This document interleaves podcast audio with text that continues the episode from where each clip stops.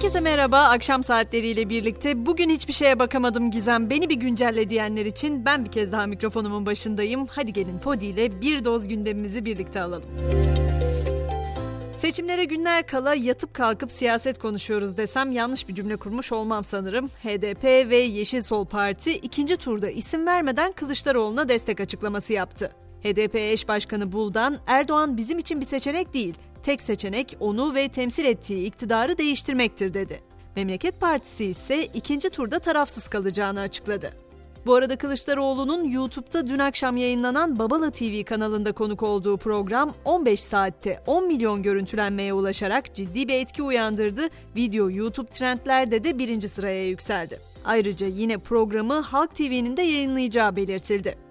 Cumhurbaşkanı Erdoğan ise kendisini televizyonda tartışmaya davet eden Kılıçdaroğlu'nun canlı yayın teklifine yanıt verdi. Senin derdin şöhret olmak diyen Erdoğan vaktinin olmadığını söyledi.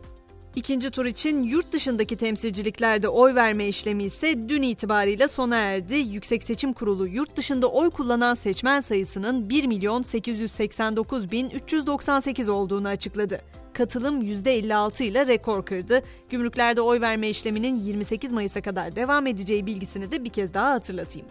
Bugün İstanbul Gazi Mahallesi'nde ise seçim çalışması yürüten İçişleri Bakanı Soylu'nun seçim otobüsünden yaptığı konuşmalar tepkilere neden oldu. Kalabalık tarafından yuhalanan Soylu'ya tepki gösterenler hak, hukuk, adalet sloganları attı. Polis kalabalığı ablukaya alırken çok sayıda kişi de gözaltına alındı. Bu aralar siyaset gündemi gibi iklim de krizli. Meteoroloji verilerine göre yağışlar Nisan ayında geçen yıla göre %254, son 30 yıllık normallere göre de %51 artış göstermiş durumda. En fazla yağış %82 ile Marmara ve Karadeniz'de gerçekleşirken Karadeniz son 63 yılın rekorunu kırdı. Siyah ve kahverengi ağırlıklı kuraklık haritası da yeşil ve mavi tonlara döndü. Deprem bölgesi için de önemli bir haber var. Bölgedeki 11 ilde elektrik ve doğalgaz borçları siliniyor. Konut ve iş yeri yıkılan, ağır, orta hasarlı veya acil yıkılacak olan abonelerin 6 Şubat'a kadarki döneme ait tüketim tutarları silinecek. Tebliğ resmi gazetede yayımlanarak yürürlüğe de girdi. Ekonomi başlığıyla devam edeceğim. Merkez Bankası beklenen kararı açıkladı ve politika faizini beklendiği gibi değiştirmeyerek %8,50'de tuttu. Karar metninde faizin deprem sonrası toparlanmayı desteklemek için yeterli olduğu belirtildi.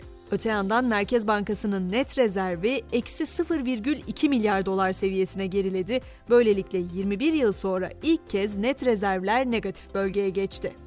Benzin fiyatlarına ise bir zam daha geliyor. Bu gece yarısından geçerli olacak 75 kuruşluk zamla benzinin litresi 21 liranın üzerine çıkacak. Hemen gün sonunda şöyle bir piyasalarında nabzını yoklayalım. Dolar 19.94, Euro 21.42 liradan el değiştiriyor. Gram altın 1246, çeyrek altın 2037 liradan satılıyor. Gelelim sosyal medyada paylaşıldığı andan bu yana merak edilen o çocuğa. Hollanda'da şehir merkezinde yalnız halde bulunan, Türkçe konuştuğu ve depremzede olduğu iddia edilen bir çocuk vardı.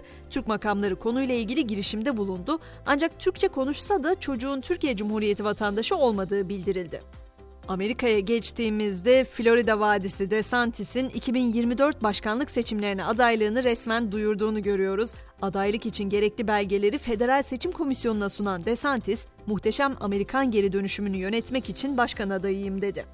Birleşmiş Milletler ise kuraklık nedeniyle Afrika boynuzunda milyonlarca kişinin açlık kriziyle karşı karşıya olduğu uyarısı yaptı. Örgüt uluslararası topluma bölge için acil yardım çağrısında bulundu.